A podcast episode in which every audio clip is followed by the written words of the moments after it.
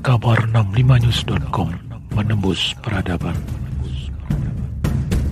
Uh, tadi pagi saya sudah mendapatkan laporan dari Kepala BNPB mengenai terjadinya gempa bermagnitudo 6,2 yang terjadi di wilayah Provinsi Sulawesi Barat hari Jumat dini hari tadi pukul uh, 1.28 menit waktu Indonesia bagian Barat. Tadi pagi saya sudah juga uh, bertelepon kepada Gubernur Sulawesi Barat dan saya telah juga memerintahkan kepada Kepala BNPB, kepada Menteri Sosial, kepada uh, Kepala Basarnas dan Panglima TNI dan Kapolri serta jajarannya uh, untuk segera melakukan langkah-langkah tanggap darurat, mencari dan menemukan korban, serta melakukan perawatan kepada korban yang luka-luka. Dan saya atas nama pemerintah dan seluruh rakyat Indonesia menyampaikan duka yang mendalam atas korban yang meninggal dunia.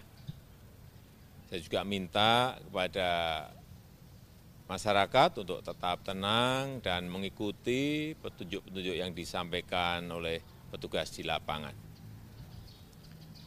Dan dalam kesempatan siang hari ini saya juga ingin menyampaikan turut berduka cita yang mendalam atas korban meninggal dunia akibat tanah longsor di Kabupaten Sumedang, Provinsi Jawa Barat. Untuk penanganan longsor di Kabupaten Sumedang, saya juga telah perintahkan kepada Kepala BNPB, Menteri Sosial, Menteri PU, untuk segera melakukan relokasi warga terdampak bencana tersebut. Terakhir, saya menghimbau agar kita semuanya untuk terus meningkatkan kewaspadaan terhadap cuaca ekstrim, baik berupa hujan lebat dan uh, yang lainnya, dan selalu memperhatikan peringatan dini mengenai cuaca dari BMKG.